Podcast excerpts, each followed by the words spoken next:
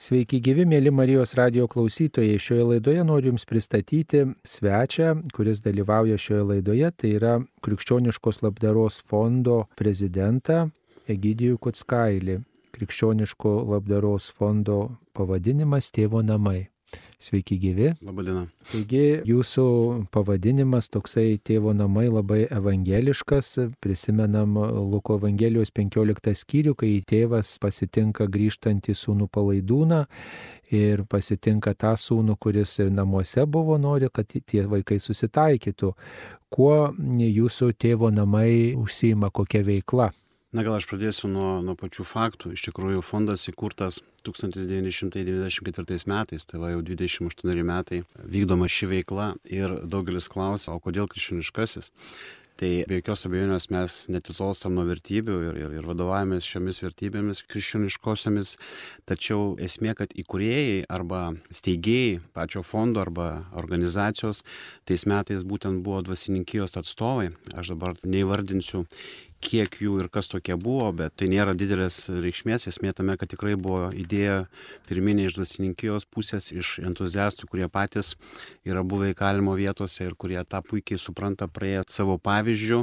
Ir todėl vadinasi krikščioniškasis. Ir mes fiziškai esame Kaune, Šančiuose, Drobės gatvėje, tačiau dirbame tiek metų su visos Lietuvos gyventojais, mes neskirstome ar tu Kauno pilietis ar ne, mes tikrai žiūrime pasą, aišku, privalom pagal tą eilutę ir, ir dokumentus sutvarkyti ir visą kitą. Ir, ir akivaizdu, kad ir finansavimo tam tikri momentai yra Kauno miesto savivaldybės, bet iš principo mes žiūrim kaip į visumą, kaip į žmogų. Ir mus tikrai per tiek metų puikiai pažįsta, žino ir atidirbta atskira metodika, kaip ką daryti ir, ir dokumentais, ir, ir žmogiškiai santykiai su visomis Lietuvos įkalinimo įstaigomis. Tiek Kauno, tiek Vilniaus, tiek Praviniškių, tiek Kalytos pataisos namais, iš tikrųjų kalėjimais. Tai yra tikrai ta patirtis ir jūsų klausimą atsakydamas, taip, mes integruojame integruojam arba priemam tuos asmenis, kurie yra atlikę laisvės atimimo bausmę arba yra liktinai paleisti, kitaip tariant, šiek tiek anksčiau laiko už gerą ilgesį, gerus polgius, tam tikrai yra vertinimo sistema. Na ir mes juos pasitinkame ir pas mus vienu metu gali gyventi nuo 15 iki 20 asmenų. Mes pagal tam tikrą metodiką suteikėme jiems pagalbą ir jie žengia tiesioginę ir perkeltinę prasme į tą tikrąjį gyvenimą. Tai čia pirmiausia, jie turi patys norėti grįžti ir integruotis į visuomenę atlikę bausmę, ar ne? Taip, visų pirma, čia yra tikrai didelis darbas šiam asmeniui būnant įkalimo vietoje yra begalės mechanizmų, yra institucijos ir taip pat pačių įstaigų įkalinimo arba, kaip mes vadinam, zonomis, yra darbuotojai, yra socializacijos, socialiniai darbuotojai. Jau likus metam laiko jau pradedamas darbas, jau konkretus dėl išleidimo, dėl išėjimo. Ypatingai labai norėčiau pagirti arba pasidžiaugti kad jau nuo praėjusių metų yra reglamentas, kad šios kategorijos asmenys jau yra įvardinti kaip dokumentuose, kad yra tokia kategorija asmenų ir automatiškai iš to iškyla ir tam tikri reglamento dalykai, kad tarkim savivaldybės administracijai privalu imtis priemonių arba vesti apskaitą ir rūpintis grįžusio asmenio tolimesnių etapų, kada jis jau grįžta. Ir tai jau yra reglamentuota. Anksčiau tai vykdavo savyga, savanoriškumo pagrindų, tiesiog tokių NVO. Ir mes būdom tokie atvirai pasakius, tokie nustumti iš šono ir tokie, nu, be balsų balso, be jokio reglamento ir, ir tikrai besdavomės tas duris taip kaip pas valstybės tarnautojus arba į valdiškas institucijas tikrai su problemomis. Dabar tas yra jau reglamentuota.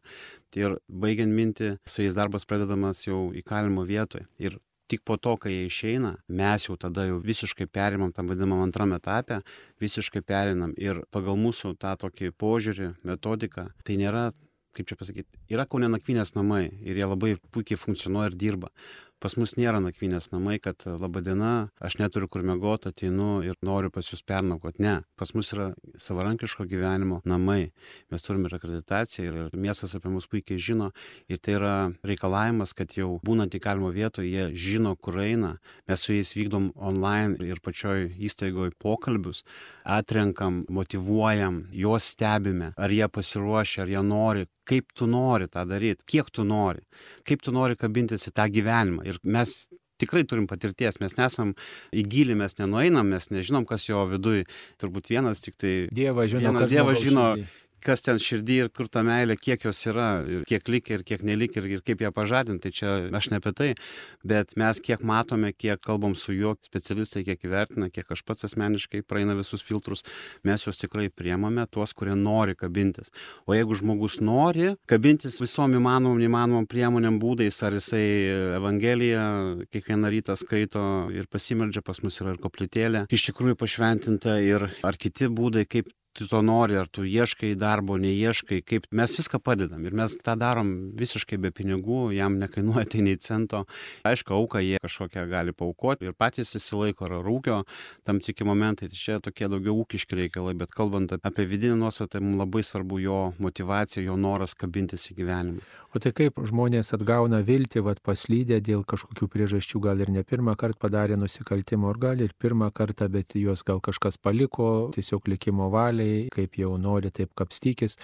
Dažnai gal jie supykę yra ant visuomenės, kaip jiems pavyksta nu, vat, atgauti tą gyvenimo pasitikėjimą kitais ir, ir tą norą kabintis. Aš šitoje vietoje turiu labai aiškę savo vidinę nuomonę ir ją galiu apginti visuose pokalbiuose, tai yra problema ne juose, ne šios kategorijos žmonėse, problema visuomeniai, problema žmonėse, kurie klyjuoja etiketę. Bet bijo, žinot, žmogus dabar, vat, gal net ir geras specialistas, bet dabar priimk į darbą, pavyzdžiui, remontuot būtą, priimk dabar va tokį, kuris sėdėjęs, tai žinot, įsigasta. Tai va ir klausimas, tai ar mes jį žiūrim kaip į etiketę priklijuotą, galbūt neturinti visų dantų ar sutaturuoti, ar mes jį žiūrim kaip į žmogų, kuriam galbūt reikėtų duoti šansą, jeigu jis to nori.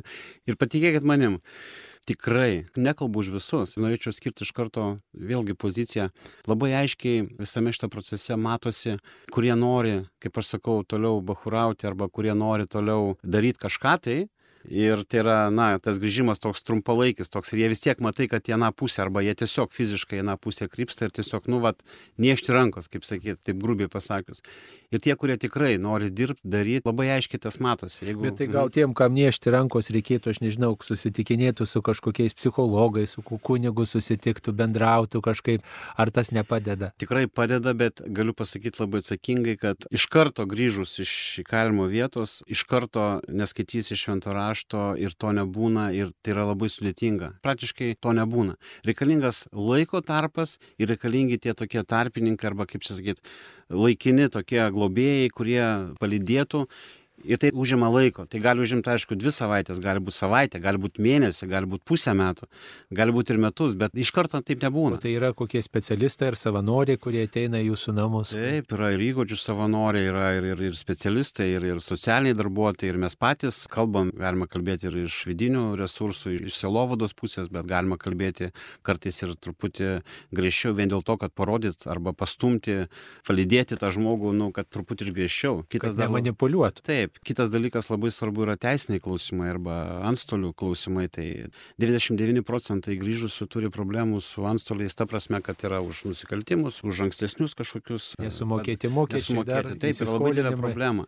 Ir jeigu mes kalbame apie oficialų darbą arba, na, tą tokį skaidrumą dirbant, pagrindinis akstinas, kodėl jie to nedaro, nes, nu, tiesiog kvaila būtų dirbti ir kad iš tavęs ten labai viską daug kas. Ne viską, bet daug pinigų atimtų. Tai va čia šito dalyko mes labai ypatingai turim savo patirties, kaip tą išspręsti.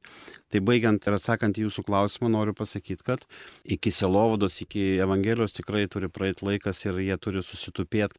Netgi sakyčiau, daug svarbiau nueiti, pabūt kartu netgi į šventas mišes, netgi į tam tikrą rikoplytėlę, netgi tai turėtų būti pirmas žingsnis, o ne iš karto skaitiniai ar iš karto tas vadinamas gylis.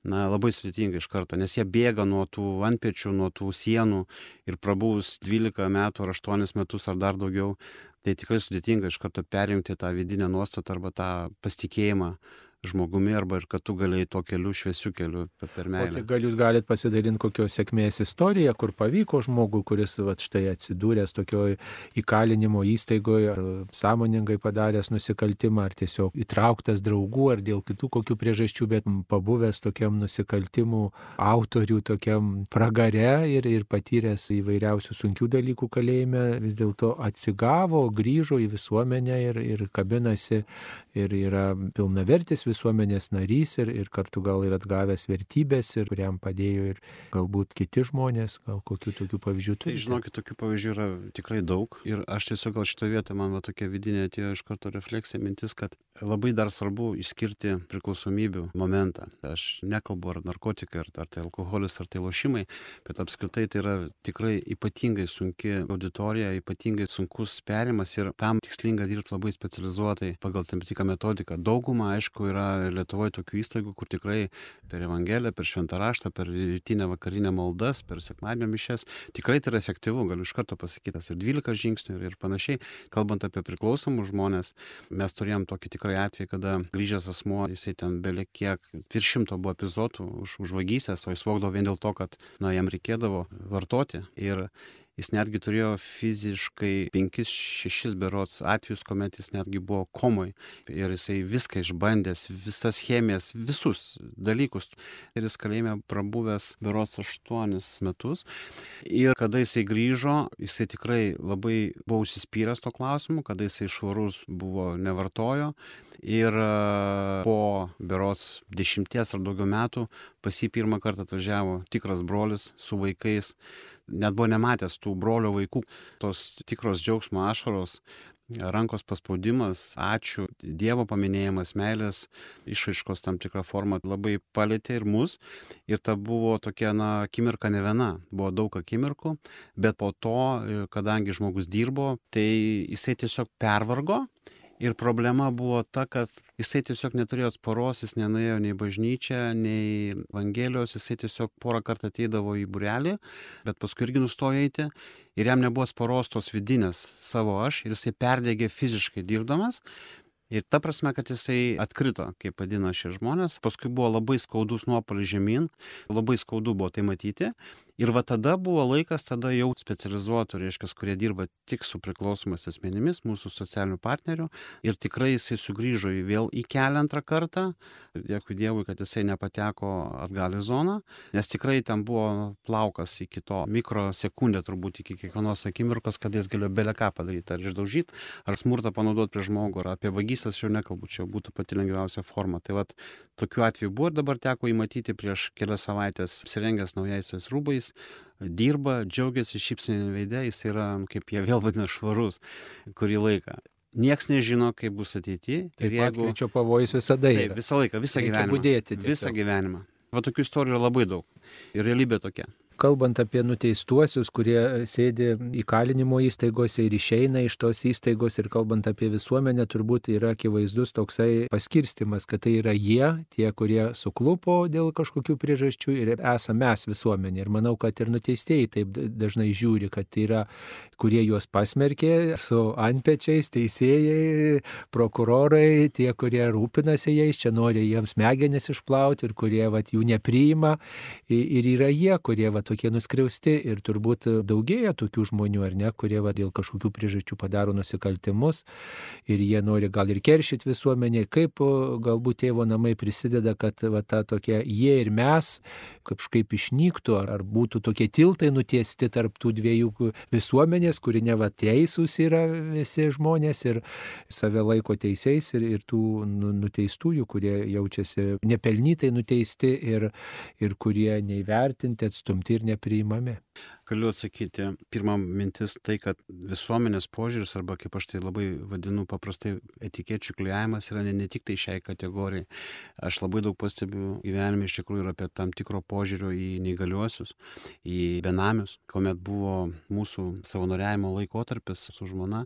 Pirmas dalykas, ką mes padarėm, Dievo vedami, net nesuprasdami, kur mus veda, mes nuėjome į arba draugavom, lankėm partizanų penkiasačius benamysės centrą, ten prie karito juos vadina bomžais, bet aš juos vadinu benamiais.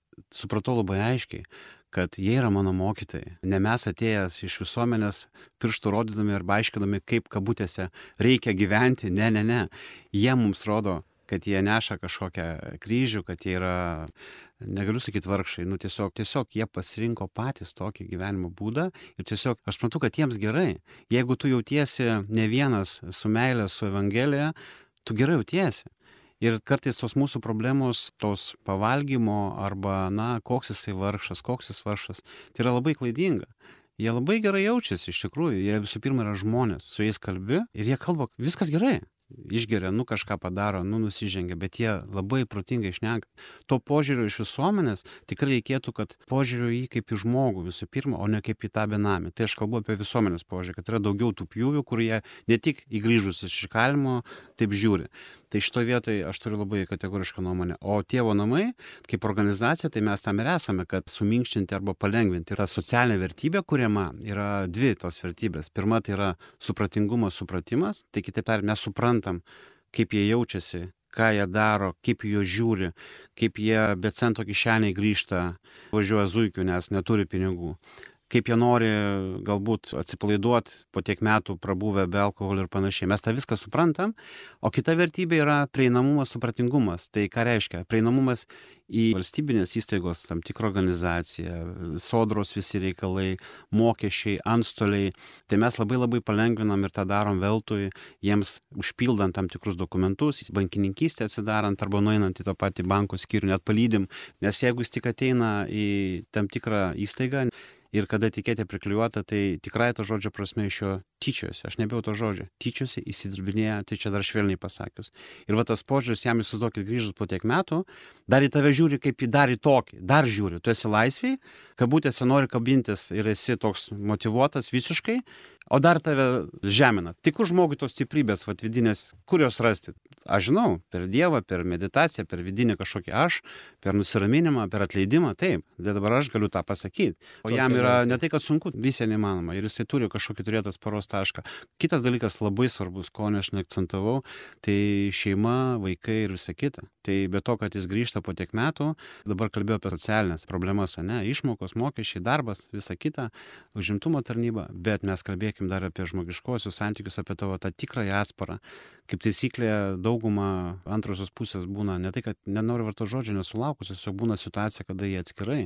Būna situacija, kada netgi formaliai tu negali matyti su savo vaiku, kuris yra vienintelė atrama tavo gyvenime ir panašiai. Tai apie tą vidinį tai aš jau net nepradėjau kalbėti, tai yra ypatingas. Tai va šitoje vietoje taip mes padedam, suprantam, mes daugiau tvarkome tą socialinį momentą, o tą silovados dalyką, taip turime ir savanorius, dvasininkijos atstovus, kurie tikrai priema išklauso visą kitą, bet čia yra ne ką mažiau svarbus momentas šalia tų praktinių ir socialinių dalykų yra būtent vidinio pasaulio kūrimas arba meilės išaiška ir panašiai. Tai yra labai svarbu. Turbūt reikšmingas dalykas būtų ir visuomeniai stengtis keisti požiūrį, jeigu ir negaliu tokio žmogaus įsileisti į namus, tai bent jau tą nuostatą tokią išguiti iš savęs, kad tai vis dėlto yra niekam tikė žmogus paslydęs. Ne, kad... Aš manau, kad labai svarbu ir mes vadovavomės tuo principu, kad koks žmogus bebūtų, ką jis bebūtų padaręs, aš nekalbu apie atleidimo momentą, bet visą laiką reikia duoti žmogui šansą.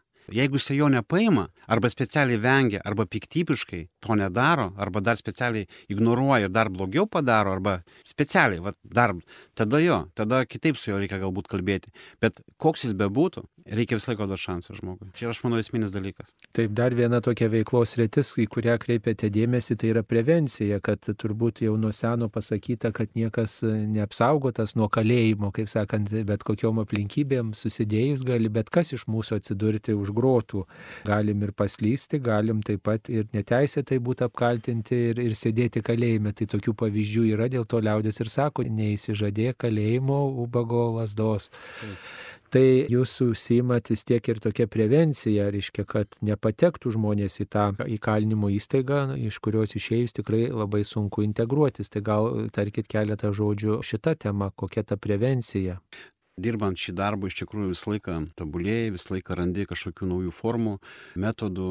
Ir vienas iš momentų, kurį mes pradėjom vykdyti, tai prieš du metus mes akreditavomės paauglių žimtumo centro Kauno miesto savivaldybėje ir būtent grįžę iš įkalinimo vietos yra pasiekmė to, kas jau įvyko, ar ne? Ir mes padedam jiem, bet prevenciškai, kad jis nepatektų į kalimą vietą arba į zoną, iš tikrųjų pas mus lanko paauglių žimtumo centrą daugiausia šančių, bet šiaip ir iš viso miesto atvažiuoja paaugliai, 12, 16, 10, 12 metų, mes tas grupės šiek tiek įskyrė, nes tai yra metodiškai pagrista ir jie tiesiog pas mus per užimtumą, per tam tikras terapijas galų galia net buvimą prie kompiuterio, jie, jie tiesiog būna savo aplinkoje, primiršta arba šiek tiek atitrūksta nuo namų, tų socialinių problemų, nuo požiūrių į tėvų, nuo alkoholizmo, nuo kitų. Ten yra begalės istorijų, kurių net turbūt knygose kartais net nepaskaitom, kad negalėtum net pagalvoti, kaip tas jaunuolis arba paauglys ar vaikas gali patirti tam tikrą spaudimą ir panašiai. Ir mes būtent jiems padedame, būnant kartu su jais per užimtumą. Plus mes irgi labai, labai džiaugiamės vienu projektu, tai yra nuo šių metų spalio mėnesio startuoja Eurolygos sezonas Žalgirio krepšinio komandos ir būtent ir mūsų, ir kitų Kauno miesto paauglių dienos centrai ir atviros jaunimo erdvės kelios prisijungusios ir Palemono noriu skirti sesuo Irutė ir, ir, ir sesuo Donata, kuri dabar Viliampolės atviro jaunimo centre savanoriauja. Tai jų paaugliukai ar mūsų bičiuliai, tie lankytojai tų erdvių, kurie tikrai gatvėje nelabai norėtų turbūt kas nors galbūt vakare tamsiu matos paru pasisveikinti, nes tiesiog ir įvaizdis, ir, ir, ir tikrai tam tikri momentai, kur tikrai jie linkia ieškoti nuotikių ir panašiai, tai jie dalyvaus tam projekte, yra suformuota komanda One Team ir mes e, kartai savaitę lankysimės Žalgirio arenoje ir žalgiriečių keli krepšininkai ambasadoriai vadinami Eurolygos Mantim projekto, jie dalinsis įspūdžiai, treniruosis krepšinį ir tie paaugliukai mūsų komandos nariai, jie taps tokiais, na, vyresniaisiais broliais arba pavyzdžio broliais kitiems Kauno jaunuoliams arba gatvė esančiam jaunimui. Ir būtent mes organizuosime net kartą į mėnesį tokius Chillin Street arba išsikrovimo gatvėje renginius, kuomet jie tą vykdys. Prevenciškai mes artinamės prie tokio, na, šio laikinio jaunimo koncepto, kad šio laikinė veikla, šio laikinis užimtumas. Bet šalia to visą laiką yra specialistai, yra va seseris, socialiniai darbuotojai, kurie visą laiką irgi yra šalia ir kad, reiškia, tas momentas, kada jisai vaikas norės paauglys atsiverti arba pakalbėti apie savo vidinį pasaulį, apie savo juduliukus, tuos, kuriuos jis patyrė, tai mes tikrai būsim pasiruošę jo išklausyti ir tada jau metodiškai dirbs specialistai. Bet mes esame tam vat užimtumo prasme iki to. Tai vat ir prevenciškai atsakydamas jūsų klausimą noriu pasakyti, kad labai džiaugiamės draugystę su Kauno Žalgiriu, su Kauno miestu. Beje, labai Kauno miestas dirba profesionaliai, galiu pasakyti, už visą socialinių paslaugų skyrių. Tikrai, tikrai požiūris labai teisingas labai šiuolaikiškas ir labai žmoniškas.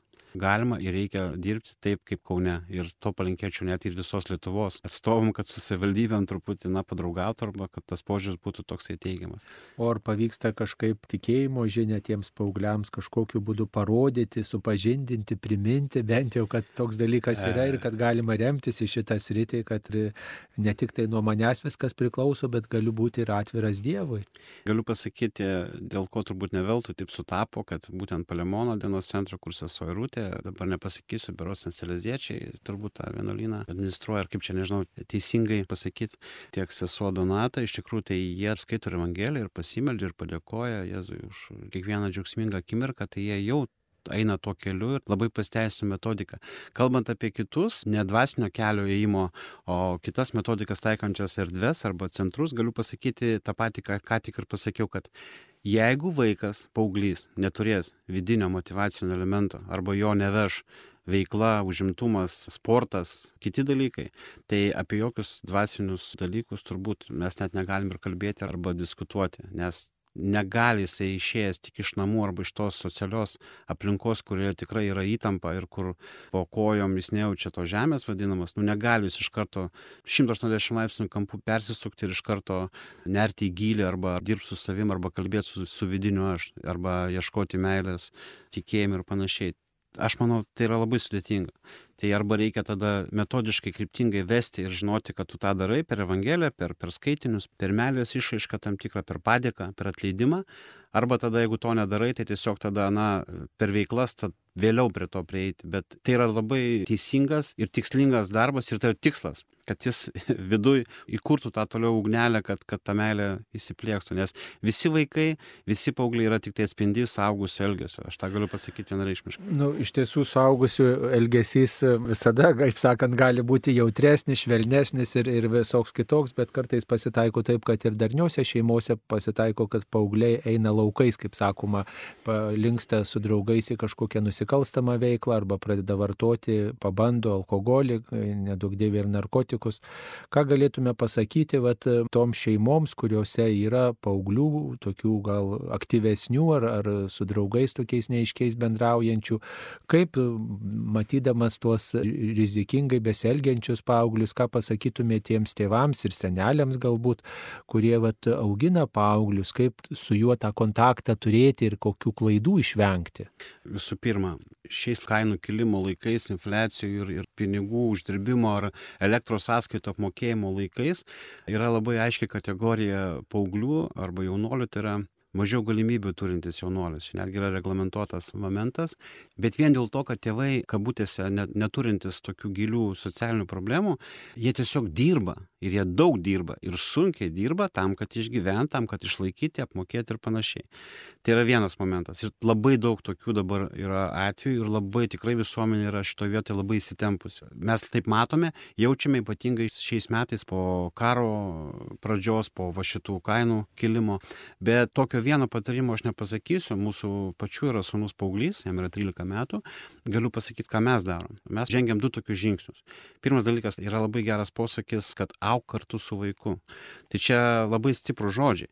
Aš iki šio laiko nesuprantu filosofijos tik toko, ne? nes aš, nu, man jau to 50, mūsų laikais nebuvo net interneto bet aš jį toj, aš jau jį toj perprasiu. Jau kiti dalykai jau, aš tos pačius nusipirkau plačius džinsus, kurių gyvenime būčiau nenešiojęs, bet mes kartu būnam vienybės aikštėje Kaune ir jaunuoliai renkasi, tas laisvas jaunimas, tas kitas jaunimas.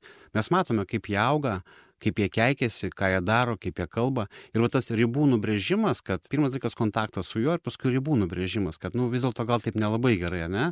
Nu gal to ne. Mes matom, kaip jie kartais iš parduotuvės kažką, grafiti, flakonėlį pasiema, ar kaip čia švelniai pasakius. Matom, kur išdažo, nu, kartais policija ne visą laiką atvažiuoja, arba na, gal geriau nekviesti jos kai kuriais atvejais ar ne. Visko būna, bet tu turi aukti su to vaiku, kad pajausti, kuo jie gyvena. Tai yra visai kita karta. Jie yra nuostabus, jie yra šaunus, bet jie yra kitokie. Tai vienas momentas, auksų vaikų. Kitas dalykas, mes kontroliavom pamokas, kur eini, ką darai, grįž 9 val. nu visiška kontrolė, kaip toj pačioj zonoje, ne? Ir po to kažkaip savaime gavosi, ne savaime, devulis tiesiog atvedė į, į tą santykio momentą, kuomet mes tiesiog paleidom. Mes jam leidom daugą. Mes nupirkom jam elektrinę gitarą, kitus dalykus, lentą skaitinimo nupirkom.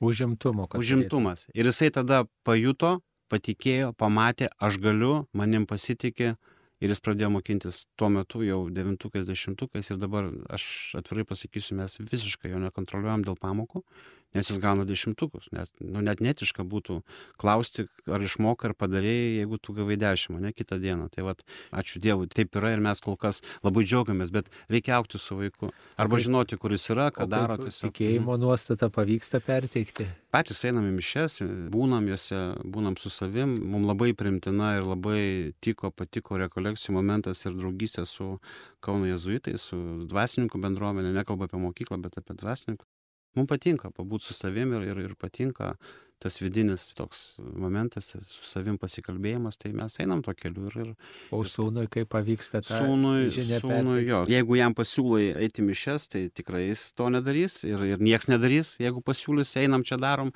Bet kažkaip per gudravimą per kažkokius tokius kažkaip pavyksta ten kartą į pusmetį nusivesti tikrai jisai pabūna ir tai kad jis jau būna be telefono vienas ir ir ir mato pavyzdį ir ir kažkas kabinasi mes labai tikimės kad tas bet prievarta mes to daryt tikrai nenorim ir to nedarysim. Jisai o pats kaip kaip Mhm. manot vat bažnyčia galėtų tą tiltą nutiesti su su paaugliais susikalbėti ko čia reiktų turėti ar charizmatiškų kažkuo asme- asmenybių ar ar kažkokios papildomos veiklos ar dar kažko? Kaip pagauti tuos paauglius? Man, žinokit, labai netiška būtų kalbėti konkrečiais atvejais, aš tikrai to nedarysiu.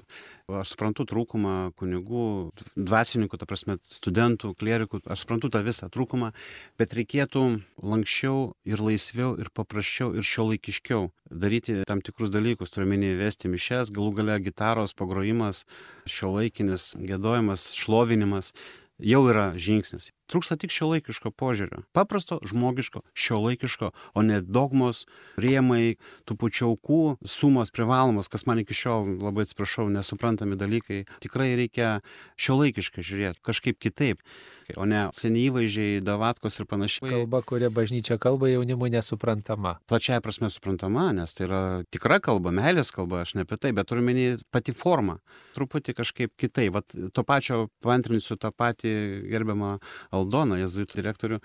Ir jis tikrai su jaunimu susikalba. Ir humoro jausmas labai vietoj. Tai aš nenoriu prie vienos mes prisilies, jis irgi yra pasiuntinys, bet, nu, ta prasme, va, paprastai, va taip, va, o ne reikia, reikia, galima, negalima, eik, neik, nėra privalomųjų tokių dalykų, va, per, per kitą formą reikia. Taigi, kaip galėtume apibendrinti mūsų laidą apie tėvo namų šitos bendruomenės misiją, kokios pagalbos tikėtumėtės iš visuomenės, kokio požiūrio ar, ar kokią žinę trumpai pasakytumėt mūsų klausytojams? Na, yra dvi žinios. Viena žinia tai yra valstybinėm institucijom ir Kauno miestui, kad mes labai džiaugiamės, kad vat, keli paskutiniai metai ypatingai tikrai geras ryšys, supratimo, žmogiškojo požiūrio prasme ir labai labai aš net padėkoju, kad yra toks kontaktas, toks santykis. Tai kalbu apie Kauno miestą ir apskritį, ir rajoną galbūt irgi ten labai labai šauniai dirba, O visuomeniai norėčiau tą patį pantrinti, ką ir sakiau. Duokim tą šansą tam žmogui. Žiūrėkim jį kaip į žmogų, o ne kaip į šuniuką ar čipsuotą kokį gyvuliuką, kur, kur jisai toksai, jisai nori gyventi. Viskas gerai, bet žiūrėkim kaip į žmogų. Ir kalbėkim kaip žmogum. Neužtenka numesti kelius centus tam pačiam benamiui, kuris prašo išmaldos. Geriau nemes, bet atsisės šalia ir paklaus, kaip tau sekas. Kaip tu gyveni? Blemba šalta, ne? Tiesiog porą žodžių. Ta žmogiškasis ryšys. Žmogiškasis, o ne toks priverstinis arba toks etiketinis. Man labai nepatinka etiketiniai dalykai, kaip visuomenė daugumą žiūri, bet noriu ir pasidžiaugti, nenoriu kritikuoti. Per paskutinius kelius metus labai keičiasi visuomenės požiūris į socialinius dalykus, į asmenis, į savanorystę. Labai gerąją prasme labai keičiasi į gerą pusę. Nėra tai blogai, viskas labai gerai ir galų galia yra taip, kaip turi būti. Ir, ir Visada visi... norisi, kad būtų geriau. Nu, taip. Mėly Marijos radio klausytojai, šioje laidoje jums kalbėjo tėvo namų krikščioniškos labdaros fondo prezidentas Egidijus Kutskailis, įkalbino aš kunigas Saulis Bužauskas, tegul tikrai visi mūsų namai būna nestokojantis tėviškos meilės, kad mes tikrai broliškai žvelgtume į kitus žmonės ir tėviškai vieni kitiems padėtume. Ačiū, sudė.